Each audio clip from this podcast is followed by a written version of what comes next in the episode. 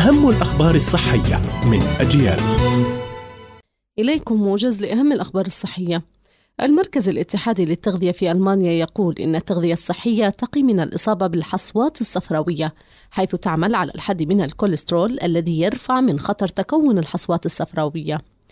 وتتكون الحصوات الصفراوية في كيس المرارة من الكوليسترول ومواد أخرى ويتراوح حجمها بين الصغير أصغر من حبيبات الرمل إلى الكبير أكبر من كرة الجولف وتتمثل أعراض الإصابة بهذا المرض في ألم في منتصف البطن أسفل عظام الصدر مباشرة وألم في الجانب العلوي الأيمن من البطن والغثيان والقيء.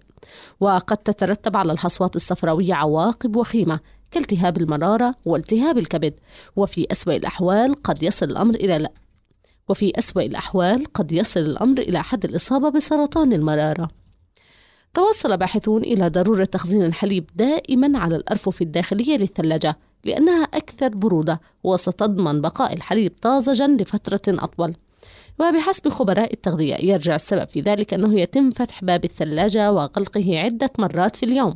وفي كل مرة يتم فتحها تتعرض محتويات باب الثلاجة لبعض التغيرات في درجة الحرارة. ونمو البكتيريا.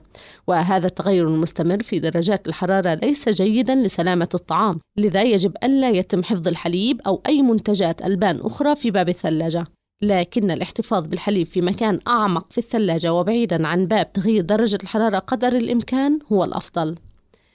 كشفت دراسة هندية حديثة أن نحو 11% من الهنود مصابون بمرض السكري وأن أمراض السكري وارتفاع ضغط الدم والسمنة منتشرة في الهند بشكل أكبر مقارنة بالتقديرات السابقة. كانت هذه أهم الأخبار الصحية. قرأتها روزانا طه. إلى اللقاء.